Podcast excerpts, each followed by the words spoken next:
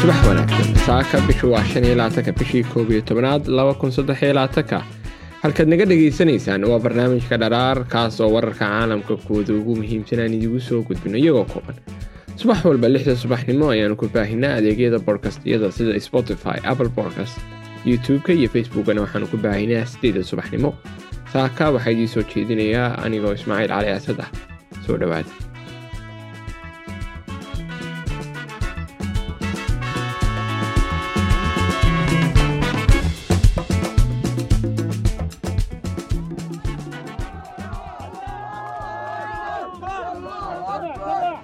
الله يحيي المقاومة لولا المقاومة ما شفنا الحرية حريتنا بوجودهم وعزتنا بوجودهم ورفع روسنا israa'iil بوجود ayaa sii daysay المقاومة. sagaal iyo soddon لولا maxbuus oo dumar iyo carruur ah ما kadib في markii عندنا xamaas ay sii daysay saddex iyo toban maxbuus oo rayid ah heshiiska oo ay dhexdhexaadisay هي- dowladda هي- qatar oyna ku jirta xabad joojin afar maalmood ah oo ka dhacda qasa boqolaal falastiiniyiin ah ayaa jimcihiis ugu soo baxay bannaanka xabsiga over oo ku yaala israa'iil halkaas oo israa'iil ku wareejisay dadkii la sii dayn lahaa. Halka qaar kalena ay isugu soo baxeen magaalooyinka falastiin ee kale. Sideedda habeennimo wakhtiga maxalliga ah ee falastiin. Laba bas oo ka tirsan laanqayrta cas ayaa la arkayay oo ka baxaya jeelka over. Sida laga soo xigtay wakaalada wararka ee a f b sideed iyo labaatan maxbuus ayaa laga sii daayey daanta galbeed ee la haysto. Koob iyo toban kalena waxaa laga sii daayey bariga magaalada qudus sida uu sheegay hay'adda ururka maxaabiista ee falastiiniyiintu marah bakeer oo ka mid ahay dadkii laga sii daayey qudus ayaa sheegtay in saaka lagu wargeliyey in xabsiga ka bixi doonto. Waxay u sheegtay aljaziire in boolisku ku sameeyeen baaritaan d n a ah ayna u sheegtay inaan la ogolayn ama la ogolaan doonin inay dabaal degto marka la sii daayo.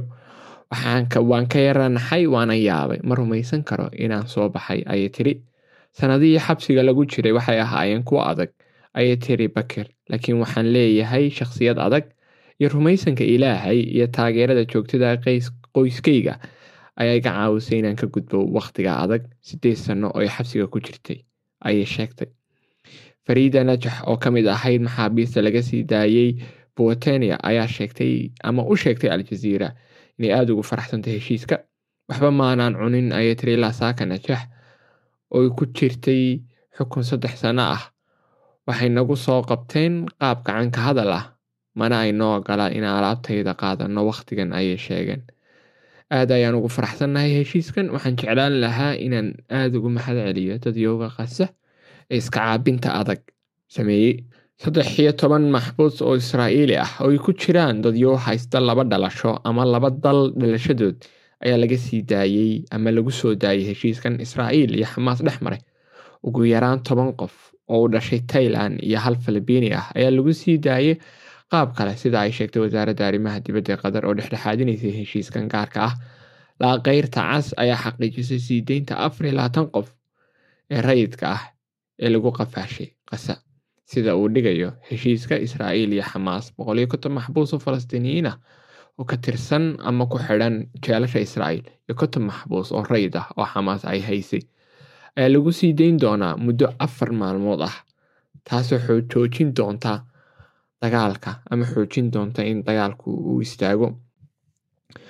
Charles stratford oo ka tirsan aljaziira oo ka soo waramaya bannaanka xabsiga over ayaa sheegay in ciidamada israa'iil ay sunta dadka ka ilmiysiisa ku tuureen dadyooga jeelka dibaddiisa iskugu yimid mid ka mid ah dadka dadyowga iskugu soo baxay bannaanka jeelka ayaa u warantay aljaziira maxayna u sheegtay marka ay imanaysay xabsiga in dhowr jeer lagu qabtay waddada su'aalana laga weydiiyey halkay u socoto iyo halka ay ka timid waxaan u sheegay stratford inay tahay mid ka mid ah caqabadaha haysta dadyooga falastiiniyiinta ah oyna u socon karin qaab xornimo ah aabe kale oo to- toddobiyo toban jir ah ayaa sheegay inuusan u dabaaldegi doonin sii deyntiisa sababtoo ah kumanaan qof ayaa sida uu yiri shahiid ugu ahaa sii deyntiisa stratford ayaa yidhi sidaas darteed mar kale muujinta dareenka isku dhafan ayaa laga arkayay halkan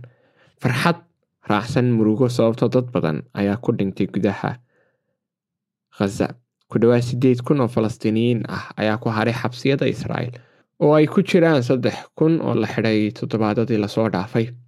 Waana mid ka mid a sababaha loo leeyahay weerarada ay israa'il ku haysa daanta galbeed ayaa sii kordhayay maalmihii u dambeeyey kolley caawa dareenka dadyooga falastiin iyo guud ahaan dadyooga eheladoodii u tegi doonaa wuxuu noqon doonaa dareen isku dhafan.